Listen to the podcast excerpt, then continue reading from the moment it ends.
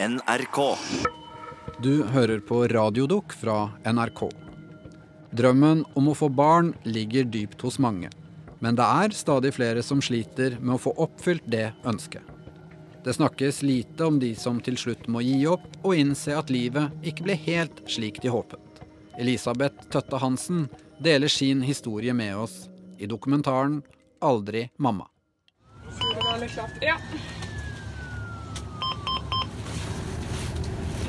Det noen gang før? Liksom? Ja, nei, jeg tror ikke det. Jeg er ikke helt sikker. Molly.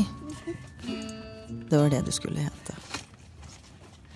Men med morfin i blodet, liggende i en ambulanse på vei til sykehuset i Bergen, begynte jeg for alvor å miste troa på at du ville komme til verden. Er vondt etter morfin. Nei, det er mye lettere. Det er bedre. Er. Du som skulle bli en liten hardheis. En rabagast som skulle kaste deg uredd i sjøen. Og drive meg fra vettet med mas og gråt og lære å sykle. Bli litt bortskjemt av besteforeldre. Ja, alt det der som unger gjør. Jeg tenkte at om jeg bare holdt ut lenge nok, og prøvde igjen og igjen, da ville alt ordne seg til slutt. Og da jeg begynte opptakene til denne dokumentaren, så var håpet der fremdeles. Men nå hadde jeg så innmari vondt, og jeg var så sliten både i hodet og i kroppen. Kanskje det var der og da jeg egentlig ga opp.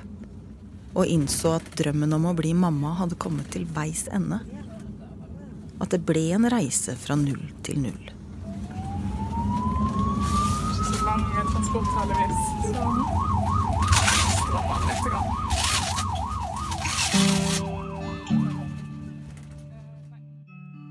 De fleste historier om forsøk på å få barn ender jo godt. Men jeg ville fortelle om det å ikke lykkes. Og det å måtte forsone seg med å ikke klare å bli gravid. For det snakkes så lite om det. Du har en, ikke en unge. Nei, jeg har ikke noe unge. Nei. Jeg har ikke det. Syns du jeg burde hatt det? ja. Du syns det? Hvorfor det? Ja, hvorfor det? Fordi jeg så gjerne ville ha en familie, jeg også. En sånn som Kristine og Hermod har. Med en liten en som Alfred og broren hans Peder. Og fordi jeg ville at det skulle komme i alle fall ett barnebarn i denne greina av slekta. Men det var så vanskelig å få til. Jeg har mista tellinga på alle sprøyter jeg har satt på meg selv, piller jeg har spist, blodprøver jeg har tatt, og hvor mange leger jeg har ligget med beina i været hos. Elisabeth skal til Spania igjen i januar. Du det? Ja. Da er det trolig siste gangen. Det har blitt noen tårer. Veldig mye latter sammen med gode venner og store porsjoner tapas i Barcelona. For jeg nekta å si stopp da alle muligheter var brukt opp i Norge. Syns du er tøff. Mm. Vi tenker på deg. Men det vet du. Ja, jeg vet det. Det setter jeg veldig stor pris på. Altså.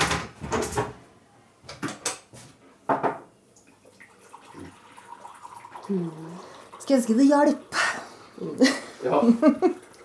Jeg tror jo det hjelper, da, på et Ja. vis. Men det er jo De hadde ikke gjort det hvis det ikke var muligheter.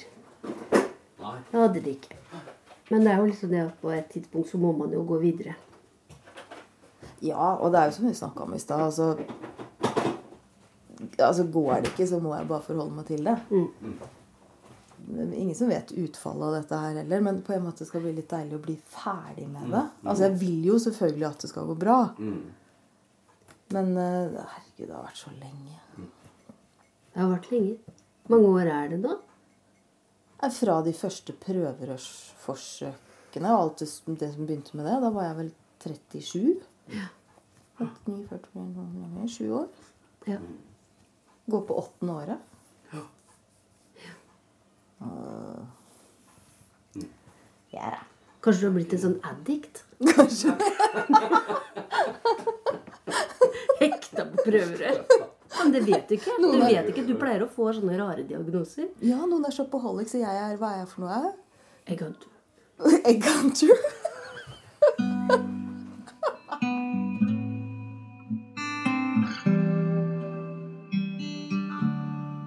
Det er mye mulig jeg ble litt sprø på veien. Ja, kanskje rent ut sagt fullstendig ko-ko og desperat.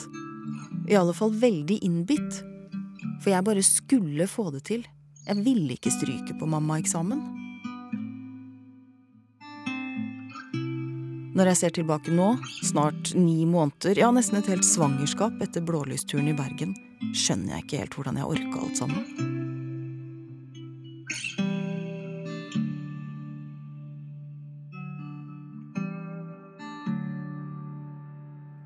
Bli med en rask tur ti år tilbake i tid.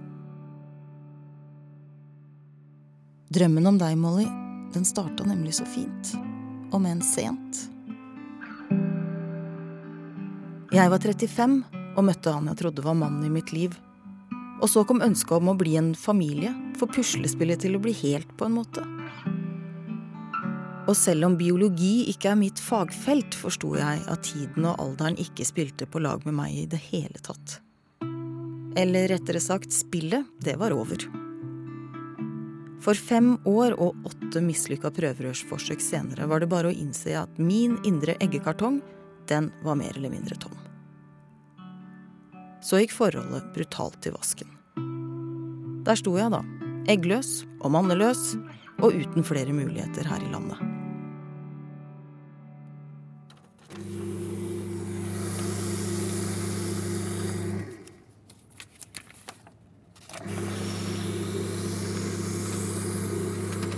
Den norske barnedrømmen.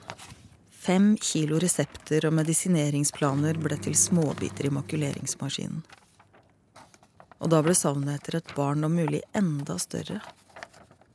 For tanken på å bli hun barnløse, single, hun som ikke fikk det til i det hele tatt, den var vond.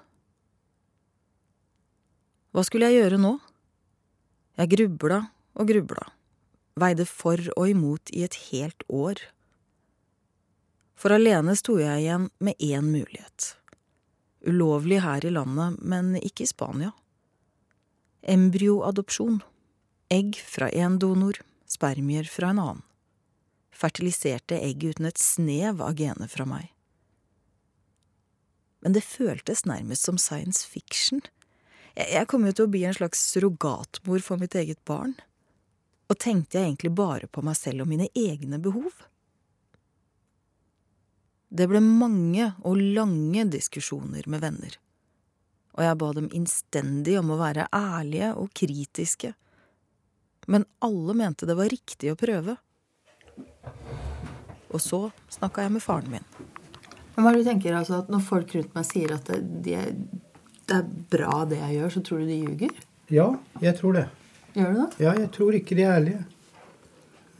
Jeg tror ikke det. Når, det, når det, går, det du gjør nå, går så langt, og det tror jeg ikke de mener er riktig. Nei. Det er så jeg ser på det. Bare for å please deg og være, du skal ha det bra, så sier de at ja, dette her er vi enig i. Dette ser fint ut. Men jeg tror ikke på det. Tror du ikke noen av dem mener det? Nei. Når det går helt ut, så tror jeg ikke det. Hmm.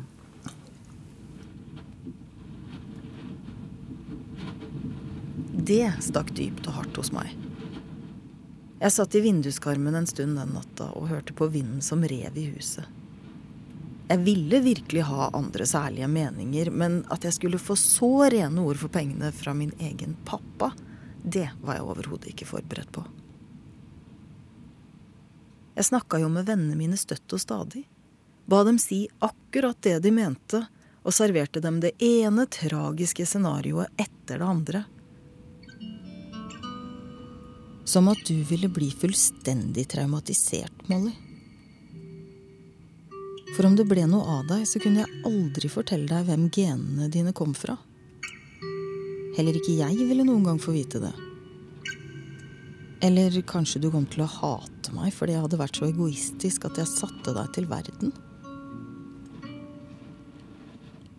Men alle rundt meg syntes jeg så for meg unødvendig mye negativt. Og flere av dem mente også at de høyst sannsynlig ville gjort like mye som meg om de ikke hadde klart å få barn. Men sa de det bare fordi de ikke turte å gjøre noe annet? Ikke tok sjansen på å være helt ærlig? Hadde faren min rett? Mente vennene mine innerst inne at det jeg gjorde, var helt forkastelig? Ja, det ville jo tross alt ikke vært veldig underlig om noen tenkte i de baner. For kanskje var jeg bare en gærning som tok opp ekstra lån og kasta bort flere hundre tusen kroner i et forsøk på å tvinge fram et barn jeg ikke burde få. Anneli, stemoren min, hun hadde iallfall litt tro på at det fantes ærlige mennesker i vennekretsen min. Jo, noen mener det sikkert. Det, det tror jeg nok. Ja, men, det, nei, jeg, jeg, jeg tror faktisk ikke det. men er det noen av dem som kunne tenke seg å gjøre samme sak? eller? Det har jeg spurt flere om. Men eh, altså, de som ikke har barn, har jo valgt å la det være. Så da er det jo ikke noe Det er liksom ikke noe å tenke på. Nei, ok. Og de som har barn, har jo fått det til enten på egen hånd eller med prøverør. Ja. Det er jo veldig mange rundt meg som har. Mm. Og som sier at jeg tror jeg hadde prøvd det aller meste for å få det til. Men eh, bare det å være gjennom prøverørsforsøk har vært så tungt at de vet ikke om de hadde orka mer. Nei, precis. Men de som sier da at, eh, at de har valgt å ikke få barn, Ja, sånn som Nina, for hva begrunner de det med? Har ikke lyst. Er alene, har ikke lyst på, vil ha det nei, livet de har. Nei, just det. Er alene, ja. Mm. ja den, den kjøper jeg også. For annars så tror jeg liksom at det fins Det tror jeg at det er innbygd i oss at vi vil ha barn. Ja, det tror jeg. At kvinner, det, det er noe som ligger i kvinnens natur. Ja, det, det, den tror jeg på. Men så må tror- man komme til et punkt at dette her, her det er bare enkelt som ikke kan få barn. Og da må man bare akseptere det. Stoppe. Så hva er det du sier at jeg burde stoppa for lenge siden? Ja. Når da?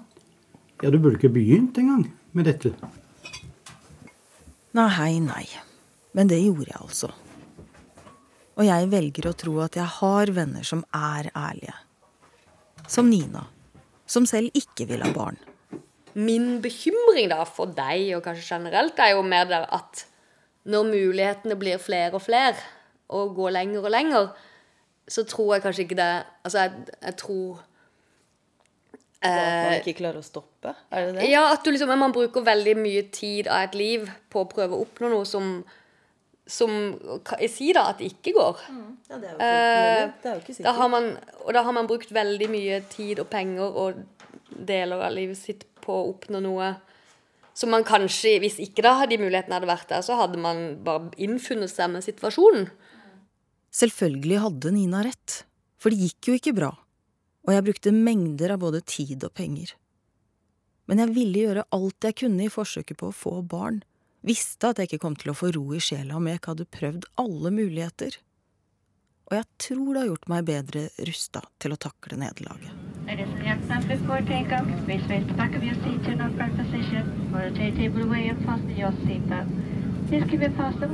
Så det ble en sjette og siste tur til babyklinikken i Barcelona, og legen min der, Chemma. Nok en gang lå jeg med beina i været og hadde sett starten på et liv. Et knøttlite embryo på en skjerm. Perfect. Go. And then we go out. Very easy and perfect. Very good. Have you seen it, Elizabeth, there? Has it moved in? That is moving the catheter. Have you seen it? And the embryo And is give it a look. has a new home. Mhm. So relax now. We wait. Yeah, we have make sure everything is in the right place.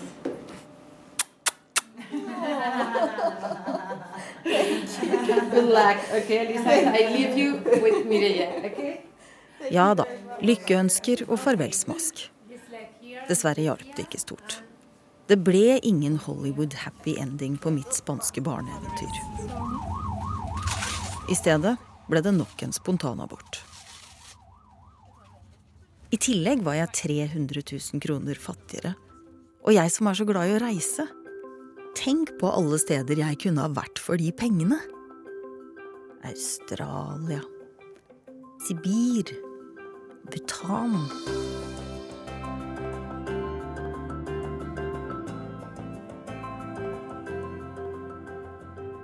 For jeg har holdt en del på vent. Som å planlegge større reiser eller møte en ny mann. Det kunne jo komme et barn. Men jeg havna til slutt i en ambulanse i Bergen. På en søndag. Jeg ble på Haukeland til mandag og tok toget til Østlandet.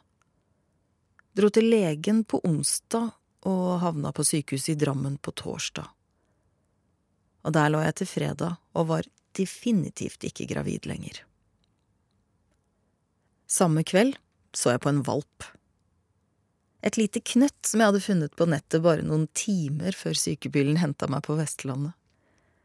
For jeg skjønte at det kom til å gå galt igjen. Og hun hadde jeg hatt lyst på lenge, og så ga det meg noe å se fram imot. Lørdag var han min. Det gikk fort i svingene, jeg innrømmer det, og kanskje var det en form for akutt desperasjon, men nå hadde også jeg et lite vesen jeg skulle ta vare på.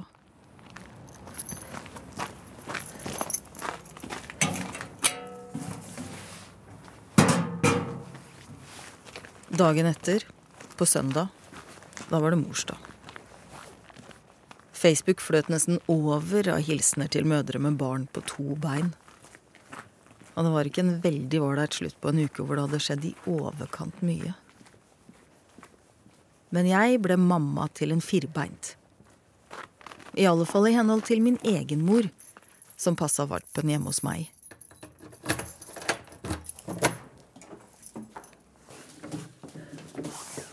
Hallo! Hei! Hei!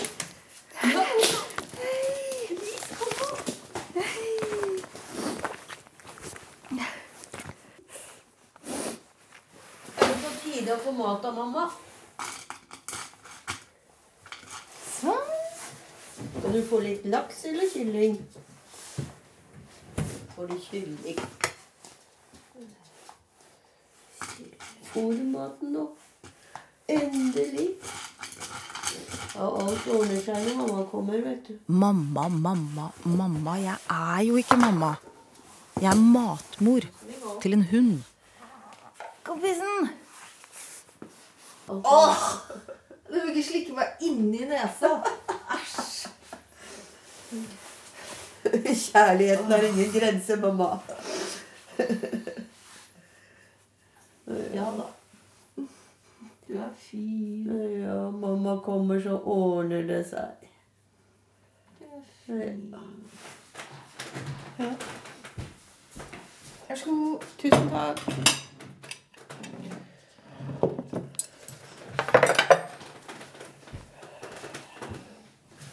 Nei, Tøtte, jeg har ikke lyst, hadde ikke lyst til å spørre deg og alt hvis ikke du selv ville bringe det på bane. For det er jo såpass ømt kapittel av ditt liv at det har ikke jeg lyst til å begynne å grave innenfor ribbeina dine med.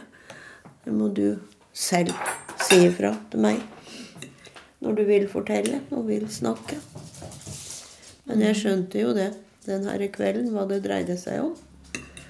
Og hvilke bestemmelser du hadde tatt. Det var ikke vanskelig å forstå. Jeg var så sint den kvelden. Det var noen dager etter den siste spontanaborten. Det er min måte å være lei meg på. Jeg går inn i raseriet i stedet for å gråte. Jeg røska fram alle papirene fra klinikken i Spania, rev en haug av dem i filler, prøvde å brenne mange av dem i peisen, men de tok ikke fyr. Ikke engang det fikk jeg til.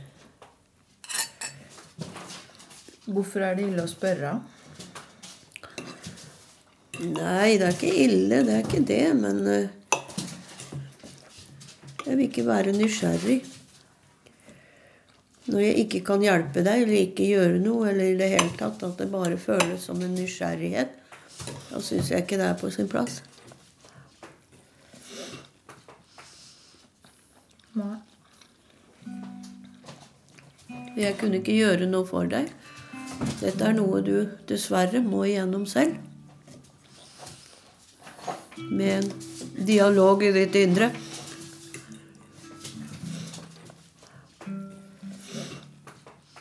Er det noe jeg har hatt og har, så er det en dialog med meg selv. Både underveis og ikke minst nå, etterpå. Om alt som har skjedd, og beslutningen om å gi opp det jeg alle disse årene bare har kalt barneprosjektet. Var det et bevisst valg å se på meg selv som en slags prosjektleder? Jeg vet ikke. Men det ble iallfall lettere å håndtere. Det skapte større avstand både til alt som handla om leger og medisiner, til skuffelser og ikke minst til tomheten etterpå. Åpen om hva som har foregått, har jeg likevel vært hele veien.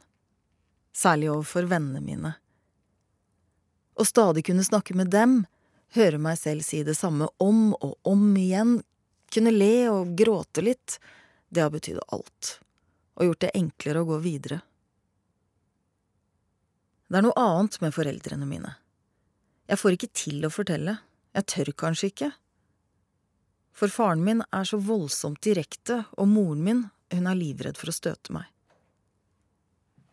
Med venner er det så mye lettere, som da Svanhild kom og møtte min, ja ok da, firbeinte sønn for første gang.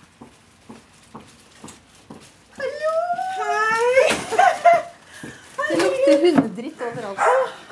Hei, kom. Så begynner man helt over seg lykka, altså. Nå er det jo sånn Hvordan blir det med Spania nå, da? Jeg har gitt opp. Har du? Har du det? Ja. Når eh, Etter siste Har du tenkt at du bare orker Nei, nå orker jeg ikke. Nei. Selv om det er to embryoer igjen. Men um, nei. Ok. I fryseren i Spania ligger det nemlig to muligheter til. Men jeg klarte bare ikke mer. Og så var jeg snart 45. Jeg ville jo være over 50 før ungen begynte på skolen. Bestemormateriale. En hund merker ikke sånt. Du har et ganske stort omsorgsgen, så jeg tror på en måte at da, da Det det der at det er, det er noen å komme hjem til. Ja. Det, det, er, er et helt nytt liv, kan, altså. Det Kan jo ikke være noe feil med det, på en måte. Eh, Nei, altså første De praktiske utfordringene ville du jo fått uansett med barn. Eller? Ja, man kan ikke sette dem i bånd ute, liksom. Nei. Selv om det Nei, sikkert vi kan sette dem i barnehagen. Ja, det går an. Det går an. Har jeg hørt. Bare at det, da, det varer jo enda lenger, så det er jo bedre. jeg, jeg tror på en måte det, det er bra for deg at eh, At du slipper det der eh, skuffelsene og stresset og, og sånn. Mm. Men, um, men så er det litt sånn nå etterpå, da. Det er um, Ja. Det tok noen dager for å skjønne at jeg hadde bestemt meg. Ja. Og så har jeg egentlig falt veldig til ro. Men det er, det er litt den derre hvem, hvem er jeg nå? Ja. Jeg blir aldri mamma. Ikke for mine egenfødte barn, i hvert fall. Men det må jeg jo bare innfinne meg med at det blir jeg aldri. Og det Mm. er litt sårt, altså. Eller ikke bare det er, Jo, det er svårt. Ja, all den tiden har den der lengten etter det, så, Mm. så skjønner jeg at det er, eh, er svart. Men jeg tror på en måte det er, det er vel litt sånn som hjernen er satt sammen òg, at det, den sier jo stopp på et tidspunkt. Ja. Så det er jo det er jo jeg har kjørt den kroppen gjennom så mye skit i så mange år, og hodet likeså. Ja. Jeg tenker jo at det er et rett valg. Nå hadde jeg støtta deg i alt du hadde gjort, men, men, eh, men jeg tror jo at det er liksom eh, All den tid du har klart å bestemme deg for det, så det, kan en jo liksom ikke si at det ikke er det rette valget, da. Jeg tror det er det riktige valget. Mm. Jeg tror det. Eller jeg vet at det er det nå. Men det er den derre Ja, ja, så ble det hun derre som eh, ikke fikk det til, eh, som eh, Men tror du det er sånn folk tenker? Nei, jeg sånn, tror ja, Elisabeth, hun som aldri fikk det til. Det der. Jeg tror jo egentlig ikke det. Men det er jo liksom, det fins en mellomvei mellom å bli hun med alle kattene i gata som alle ungene er redd for, og, og liksom den eh, Noen som bare ikke fikk barn, liksom. Ja. Det er jo ikke Det er ikke alle som får det. Dessuten så er du sjelden flink til å fylle livet ditt med andre ting. Eh, og du er jo på en måte Du har jo så stor eh, omgangskrets, er så interessert og, og levende, liksom. Du er jo ikke sånn som kommer sitte med deg i sofaen og råtne framfor uh, gullrekka, liksom. Nei, det er, men det er litt den derre Som sagt, hvem er, hvem er jeg? Hva slags liv skal det bli nå, da? Hadde jo sett for meg virkelig at eh, det skulle bli et lite barnerom der inne og alt det der, men uh... Jeg kjøpte nemlig et lite hus rett før den siste Spania-turen. Langt fra bare med tanke på at jeg kanskje kunne bli mamma, men det lå unektelig i bakhodet. I taket på det ene soverommet var det en lampe med tegninger av mannen i månen med nattlue på. En barnelampe. Den henger der fremdeles, men det ble aldri noe barnerom. Jeg skal pusse opp og lage gjesterom.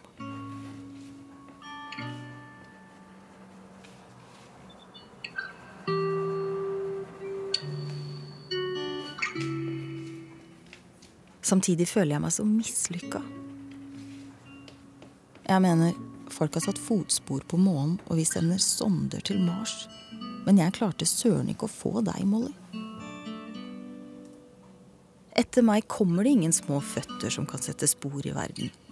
Det blir bare avtrykk etter fire labber, men det er i alle fall poter jeg har ansvar for å ta vare på, og som gjør at jeg ser på meg selv som litt verdifull. Ja, det er jo liksom litt sånn som du har definert det, da. Mm. At du er, ikke har noe verdi.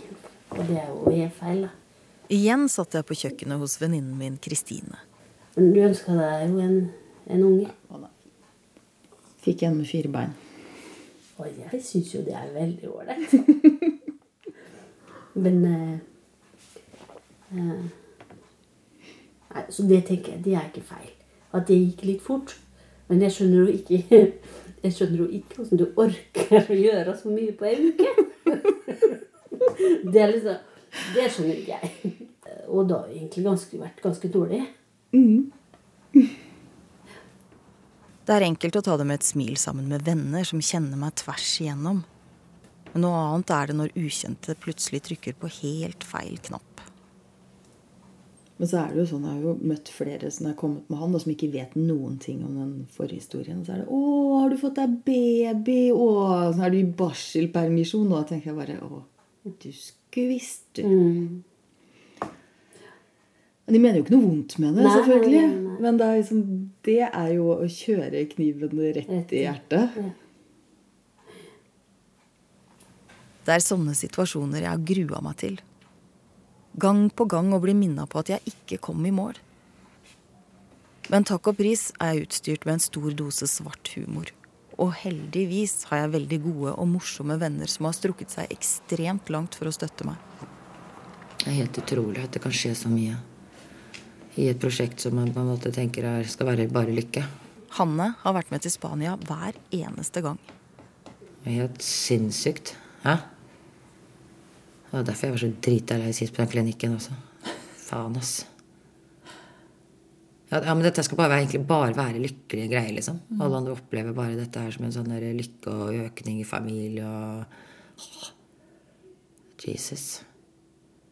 Ja, altså, jeg, det sa jeg sikkert. Jeg vet ikke om noen andre enn meg som ikke har fått det til. Nei, Altså, det nettopp de, det, da. Altså Jeg vet om ei som har Mm. uh, gjort eggdonasjon, uh, som jeg sikkert sa. Med, men mannen var jo der. Det gikk jo bra. Og så Mm. vet jeg om ei som har uh, reist av gårde til Russland og fått Mm. embryoadopsjon. Og det gikk jo på første forsøk, det er for begge to. Jeg har ikke Vi vet ingenting. Jeg har ikke hørt noen ting heller. At det er eh, Om eh, folk som ikke har eh, på en måte fått uh, Klart det, da. Mm. De har fått det til. Til slutt. Men det er vel kanskje noe man ikke proklamerer eh, veldig, veldig høyt. Jeg vet ikke. Nei, det er det- mange det det- som det tror ikke jeg klarer det. Ikke sant? Og jeg tror faktisk det, det, det, det, det snakkes ikke så mye om det fordi det gjør vondt, fordi det er Ja, sårt. Og, og folk rundt spør ikke fordi man ikke tør, kanskje, da. Eller er livredd for å trå feil og hoppe i salaten og alt det der. der. Og se rundt deg, det spruter ut unger, og det giftes og skilles og skilles og giftes, og det flyttes og ordnes og alt. Og jeg, jeg sto på stedet hvil, jeg. Jeg er akkurat der jeg sto for eh, 45 år siden. Men det var bare sånn, jeg sto i den der dyrebutikken her om dagen, og da var det jo en mor og en datter der. Og da spør jo hun jenta, hun var sikkert sånn ti år eller noe sånt, noe sånt Har du barn? Nei, som jeg sier, jeg har bare han her, jeg. Disse påminnelsene, det, er, eh, det får man jo ofte. Ikke sant? Hele tiden. Og det er kanskje det som er tøffest, kanskje, tenker jeg. Sånn, Det det. For deg og, og framover. At det er disse som ikke på en måte kjenner deg eller ikke vet hvem du er. Og alle mm. regner jo med at man har barn i den alderen vi er i. Hvis jeg, hvis jeg har kjent på meg selv, da. Jo, jeg hadde, jeg hadde syntes det hadde vært steinhardt. Og det er klart jeg må gjennom mange sånne situasjoner. Den første jeg grua meg til, var et digert slektstreff jeg visste kom om bare noen måneder. Så du må nok ha litt sånn skylapper på hva man kan skje da. Det var for jeg klarte å Det hadde jeg gjort. Valgte ut ting og prøvde å unngå ting som gjør at det svir litt i forhold til TV, TV filmer og Ja, det står, var også på Facebook, selvfølgelig. Jeg som jeg gikk på skole med for mange år siden. så er det sånn, Da var barn nummer to, og så er det sånn Nå er familien komplett. Mm, sånn. Nettopp. Ja. Ikke sant. Folk man ikke har sett på mange år, da. Ikke Ja, sant? ja, ja. Og ikke vet hvor du er i livet. Og når du møter dem, da, sånn typisk sånn klassefestsammenheng ja, nå har du hatt det. Neste år er det 20-årsjubileum for journalistkullet mitt. Og heller ikke det gleder jeg meg så voldsomt til. Jeg ser for meg så mange vellykka mennesker med barn og familie. Og det er ikke det at jeg klandrer dem for å ha noe jeg ikke har, men kommer jeg til å være klar for de uunngåelige spørsmålene?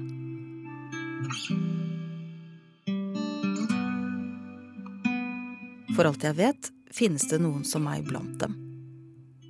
Kanskje til og med noen som har gått like langt som meg i forsøket på å få barn.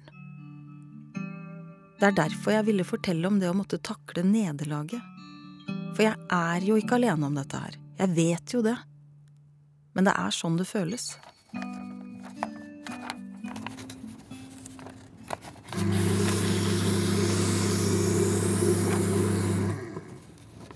Så ble enda noen kilo dokumenter, resten av Prosjekt Barn, til filler. Med moren min som tilskuer. Alt i alt kvitta jeg meg med åtte kilo papir. Det du ønsket og drømte om, går nå i stykker. Nja, det går i makuleringsmaskinen i hvert fall. Så godt å ta det på den måten. Det er helt fantastisk.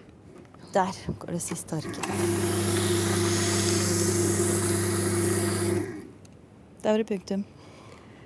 Dette er begynnelsen på ditt nye liv.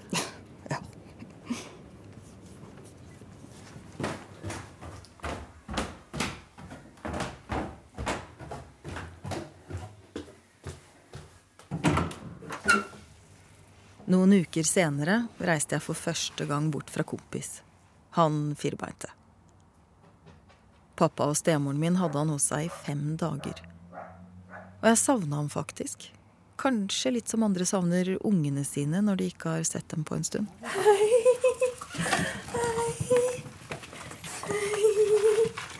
For selv om han aldri kan erstatte deg, Molly, så har han blitt en viktig del av livet mitt.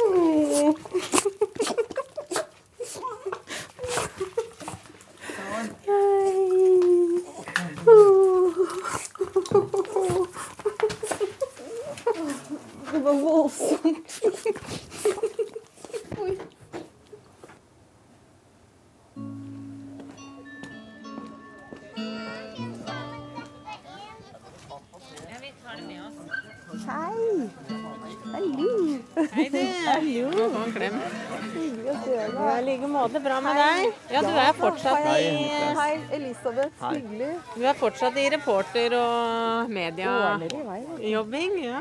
Hvor mange unger er det her egentlig? Jeg er fire av jeg nå. Ja, det ligger ei der, ettåringen der. Og så Ja. hun snuppa på tre, og så Kristina som blir ni, og Victoria som var akkurat elleve. Herre min, for en gjeng. Ja. Så hyggelig. Ja, det kan jeg. Slektningene mine. Nærmere 100 av dem var samla hjemme på Hvaler. Folk som har fått barn, barnebarn og oldebarn. Familier som går videre. Sånn blir det aldri for meg. Oi! Og kaffebord i morgen. Jeg har flere Herregud, nå er alle her med koner og kjærester og unger og Men ikke meg. Du har jo, du har jo oss. Ja, jeg har dere. Dattera di står der. Nei, sønnen min. Dere får det til. Nei, det syns jeg er feil å si. Mener du det? Ja, det jeg helt føler feil. veldig på det. Anne. Seriøst. Jeg føler at jeg er ordentlig mislykka. Og det mener Men jeg fra bunnen av mitt hjerte. Nei, du er langt fra mislykka. Men det er bare en mening Jeg mener det er en mening med livet, og det er en mening at du ikke kunne få barn. Jeg tror det er meningen at du skal ta vare på noen andre barn. Kanskje. Usch, nå er klump i halsen. Men vil jeg griner. Uff a meg. Fortsatt masse barn som trenger noen som kan ta vare på dem.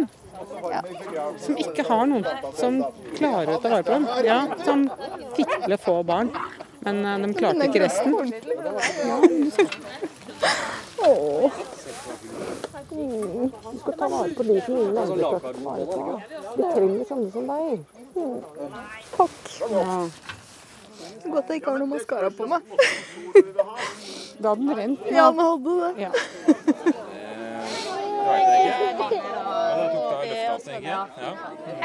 Skulle aldri gjort det. Ja, Det var det dette du savnet? Ja. Blir irritert over det. Hvor mye lyd de klarer å få.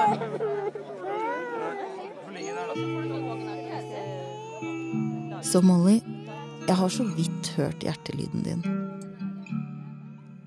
Men det ble ikke noe av deg og meg.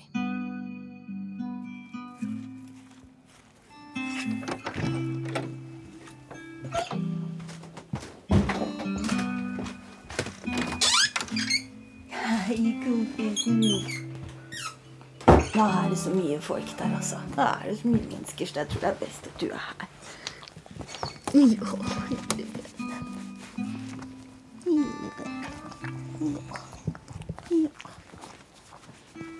Går det bra med deg? Mm, går det bra?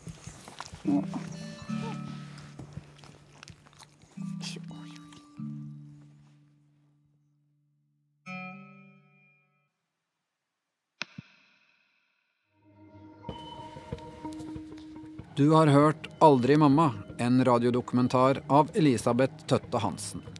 Musikken var laget av søstera hennes, Kristil Benjamine Hansen. Ansvarlig for lyddesign var Kjetil Hansen, og jeg som heter Kjetil Saugestad, var konsulent. Har du lyst til å dele noen tanker med oss om programmet du har hørt, så kontakt oss på radiodok at nrk.no. NRK.